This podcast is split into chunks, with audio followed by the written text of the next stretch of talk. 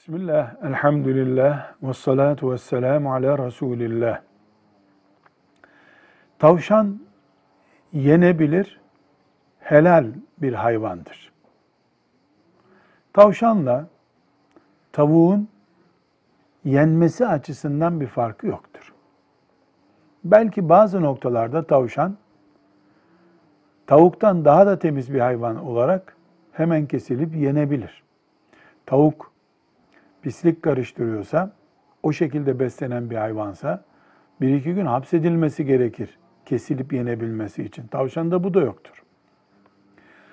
Ashab-ı kiram döneminden bazıları yöresel olarak tanıyıp bilmedikleri için tavşan yemediklerini söylemişlerdir. Ama dinen yenmez bu anlamında değil. Sevmiyorum, ben yiyemiyorum şeklinde bilgi vermişlerdir. Ola ki bu yanlış aktarıldığı için zamanımıza sanki tavşan eti mekruh, yenmez bir et gibi tanıtılmıştır. Doğru değildir. Tavşan ve tavuk etlerinin yenmesi açısından aynı hayvandırlar. Velhamdülillahi Rabbil Alemin.